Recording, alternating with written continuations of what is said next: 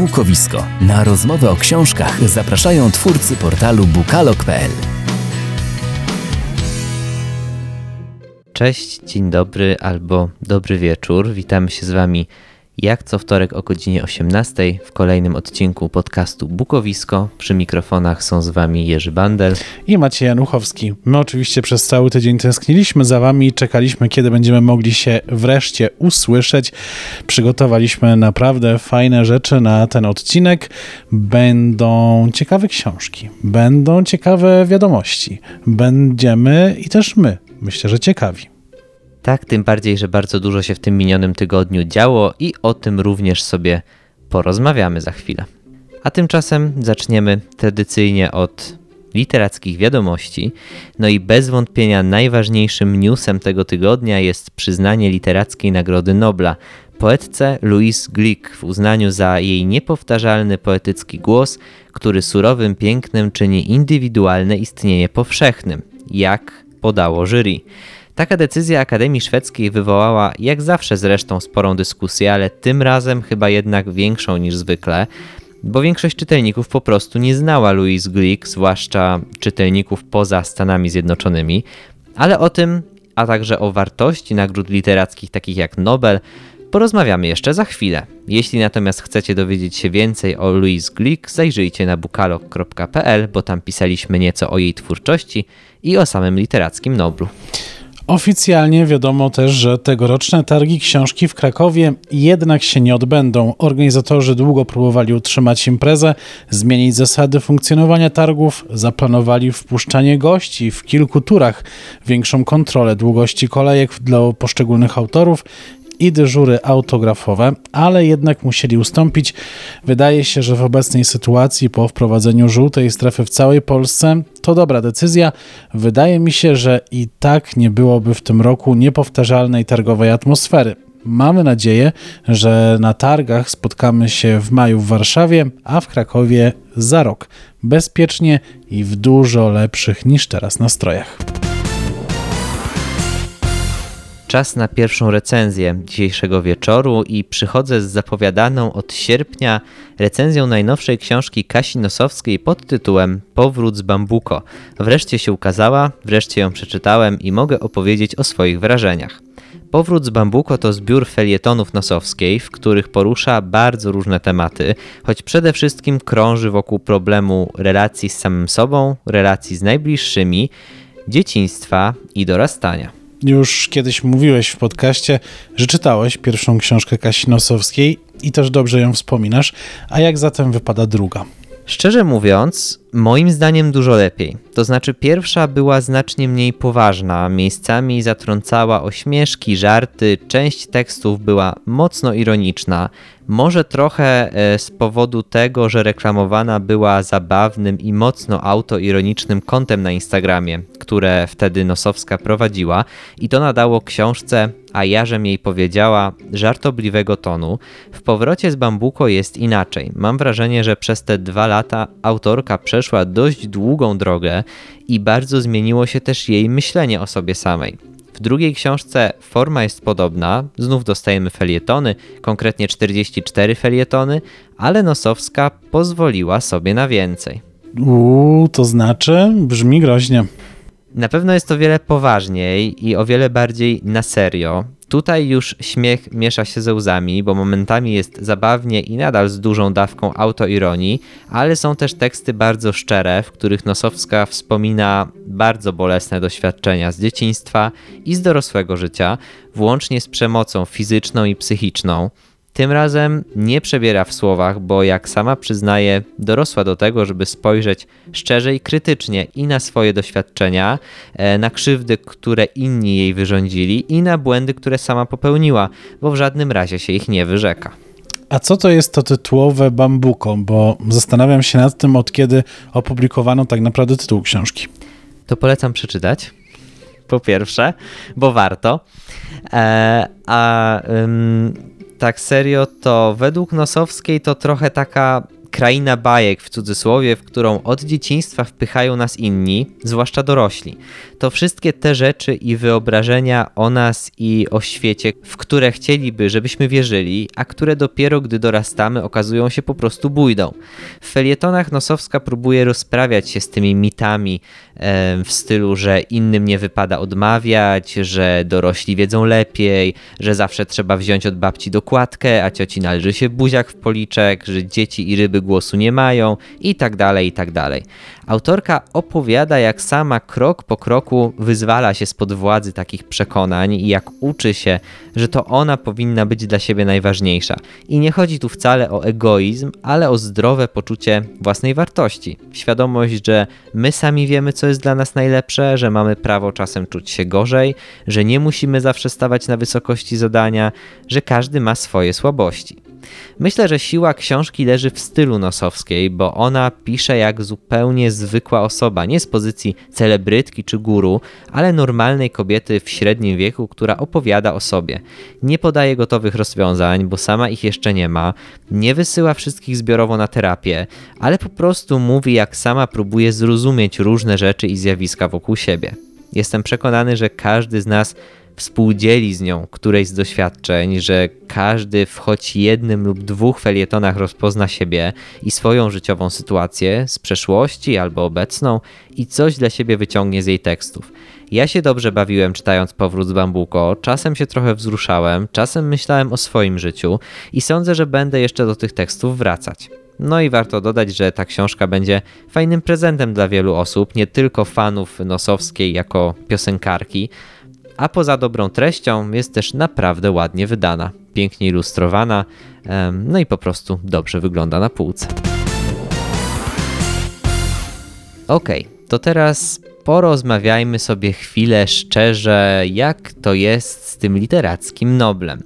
Jak powiedzieliśmy na początku, w tym roku Akademia Szwedzka uhonorowała Louise Glick i dla tych, którzy jej nie znają, a podejrzewam, że jest to znaczna większość z osób, które teraz nas, nas słuchają, powiem, że to poetka, amerykańska poetka, która wydała mm, kilkanaście zbiorów opowiadań i trochę esejów, i publikuje od lat 60.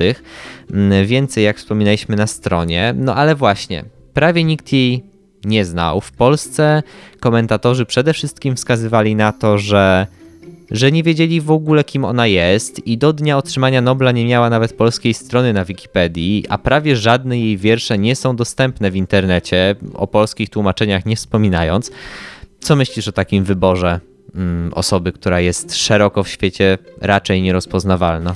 Dla samej poetki jest to niepowtarzalna nobilitacja i to, że teraz wszyscy o niej usłyszeli i mogę się założyć, że za chwilę pojawią się propozycje do managementu i będą wszyscy chcieli teraz tłumaczyć i drukować jej wiersze. Co prawda Pytanie, jak to rozegra sama autorka, bo równie dobrze, zanim te wiersze zostaną przetłumaczone i wydane w Polsce, to atmosfera na pewno już znacząco wokół nagrody opadnie. I pytanie, czy ktoś za pół roku będzie pamiętał o niej. Natomiast dla, dla nas tak naprawdę teraz w ciągu tych najbliższych miesięcy nic się nie zmienia.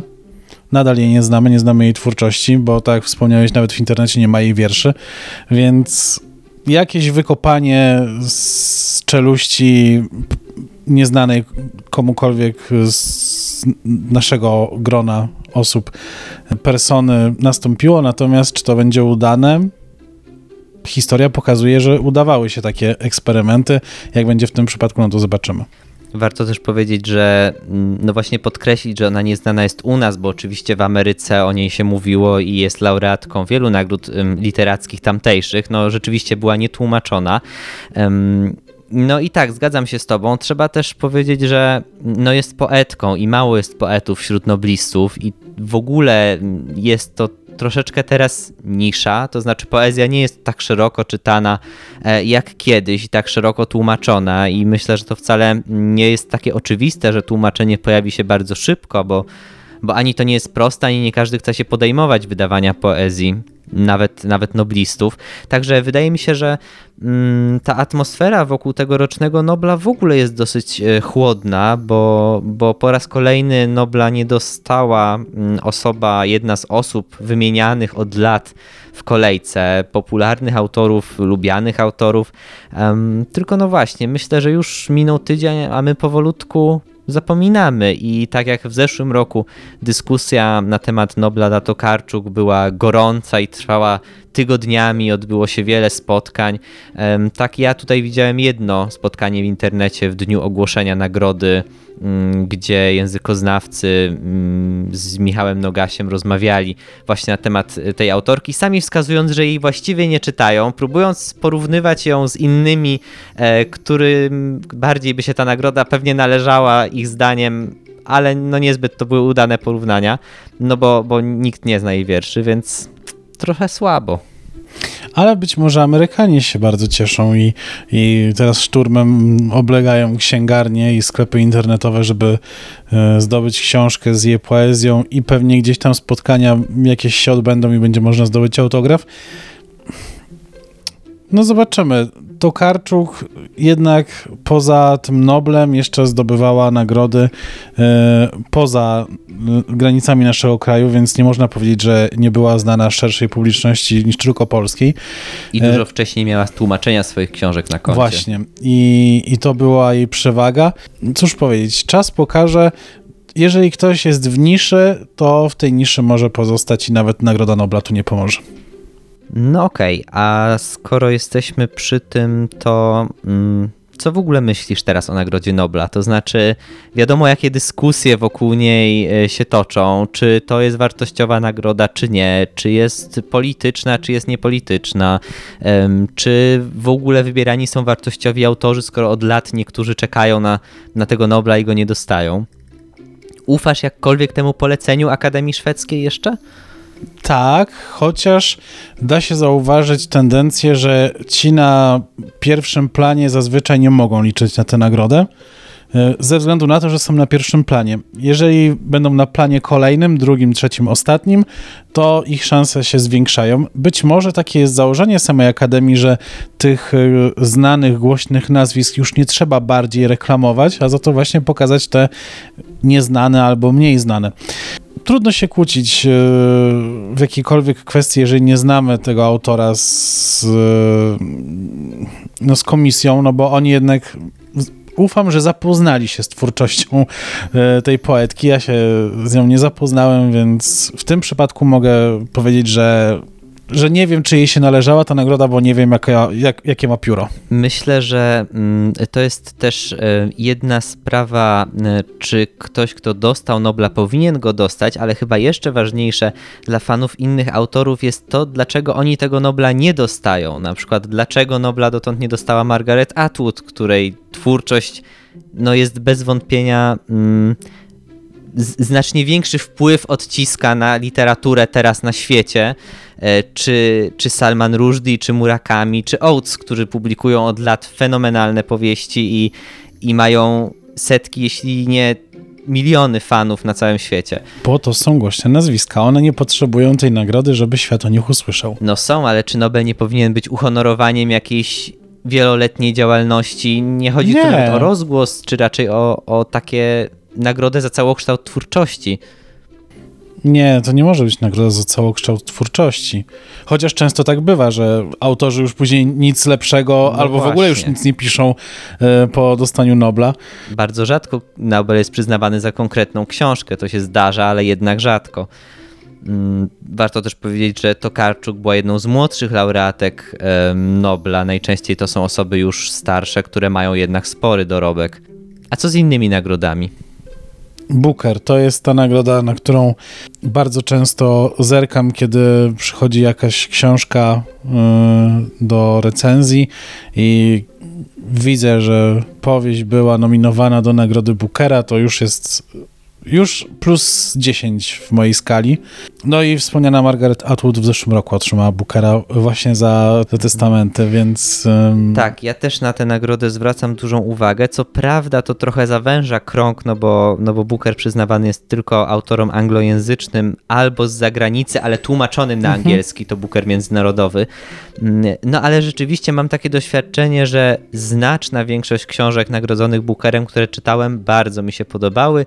Z noblistami bywa różnie, a Booker to, to prawie zawsze jest pewny strzał, więc rzeczywiście zgadzam się z tobą. Rzeczywiście są takie książki, które na pewno dzięki e, nagrodzie zyskały. Są też takie, które były nominowane do Bookera, ale mi nie przypadły. Nie będę wymieniał tytułów, żeby nie narażać się fanom tych książek, bo wiem, że zazwyczaj to jest tak, że innym się podobały te książki.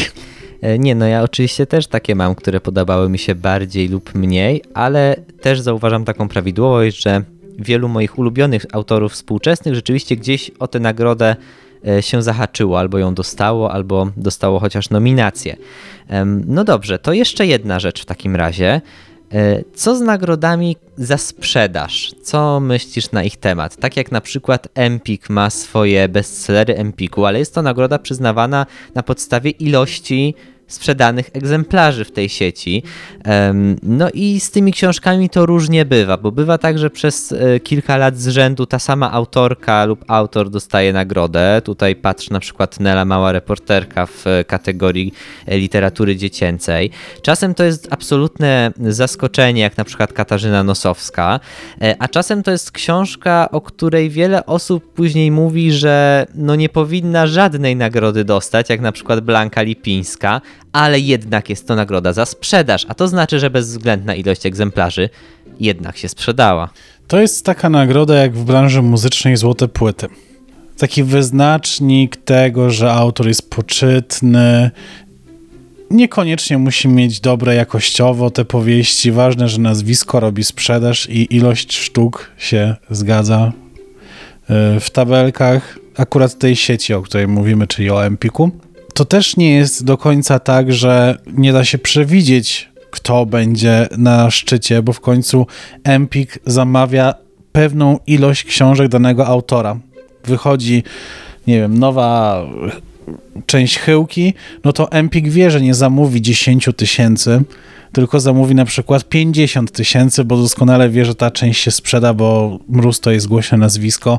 Tak samo Bonda, czy nie wiem, czy Bianka Lipińska po tym, jak właśnie szczególnie film nakręcił sprzedaż, to myślę, że Empik raczej wznowił sprzedaż jej książki. Na pewno. Tak, ja się zgadzam i też nie widzę mm, nic specjalnie złego w tych nagrodach. To znaczy, czytelnicy często gdzieś tam widzę, mm, właśnie irytują się tymi nagrodami za sprzedaż, e, ale też ja mam w głowie coś takiego, że to jest taka nagroda, na którą najbardziej my mamy wpływ, bo to od nas zależy, czy my tą książkę kupimy, czy nie. Znacznie bardziej niż na decyzję jury Noblowskiego czy, czy jury Bookera. Teoretycznie tak, tylko z drugiej strony jest to, miałoby to sens, gdyby faktycznie było to przyznawane w ten sam sposób jak złote czy platynowe płyty w muzyce, że jest jedna organizacja, która skupia się na sprzedaży płyt, na statystykach z tym związanych i obejmuje cały rynek, nie tylko jedną sieć sprzedaży, bo chociażby e-booki, one też są jednak dosyć mocno sprzedawane, a Empik nie ma wyłączności na e-booki. E-booki, a tak samo inne księgarnie internetowe, które są, na przykład mają dużo lepsze ceny. Jest cała rzesza osób, które w ogóle w Empiku nie kupuje um, i nie przykładają się w żaden sposób do do tego. Co więcej, tak sobie myślę, że to są też osoby, które szukają dużych przecen, bo kupują bardzo dużo książek i wtedy rzadko kupują takie bardzo popularne. Są też bardziej wybredni i kupują wiele więcej różnych tytułów, więc ta statystyka na pewno jest sztucznie zaniżona, no oczywiście.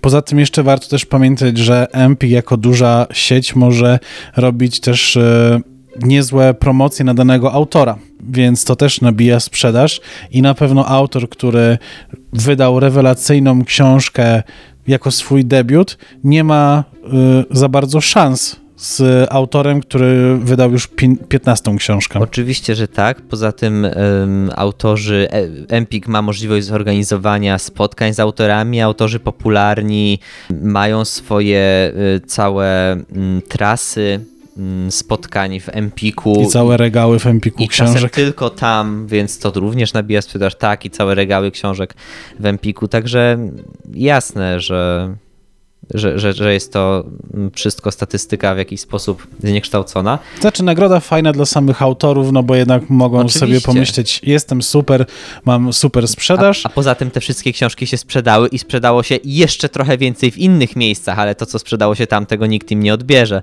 Więc pewnie dla nich na pewno jak każda nagroda jest to wartościowa nagroda, a w jakiś sposób też jednak odzwierciedla ogólny trend i ogólną tendencję do tego, co ludzie chcą czytać, no bo to jednak są często dziesiątki tysięcy albo setki tysięcy egzemplarzy. Swoją drogą przy tym manipulowaniu tymi danymi teraz tak się zastanawiam, dlatego nie sprawdziłem, więc nie wiem, może rzucam kamieniami w, w płot, e, ale pytanie, czy to jest liczba sprzedanych w Empiku sztuk, czy liczba zamówionych przez Empik sztuk danej książki? Bo ja tutaj też widzę pole do ma manewru. No I to tak. całkiem sporego.